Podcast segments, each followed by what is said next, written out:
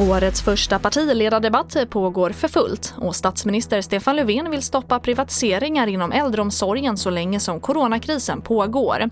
Förslaget ingår i paketet som Löfven lägger fram för att skapa arbetsro för äldreomsorgen och sjukvården.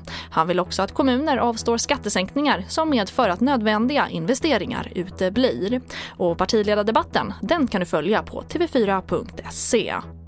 Och den ryske regimkritikern Alexej Navalny kommer att återvända till Ryssland efter att ha tillbringat en längre tid i Tyskland där han vårdats för skador från förgiftningsattacken han utsattes för i augusti. Det rapporterar Reuters. Enligt Tyskland förgiftades Navalny med nervgiftet Novichok med avsikten att han skulle dö. Och här hemma ställer festivalen Urkult in även i år. I vanliga fall brukar festivalen med fokus på folk och världsmusik arrangeras i Näsåker i Sollefteå kommun. Men på grund av det oroliga samhällsläget ställs festivalen in även i år. Det skriver arrangörerna i ett pressmeddelande. Och det får avsluta TV4 Nyheterna. Jag heter Charlotte Hemgren.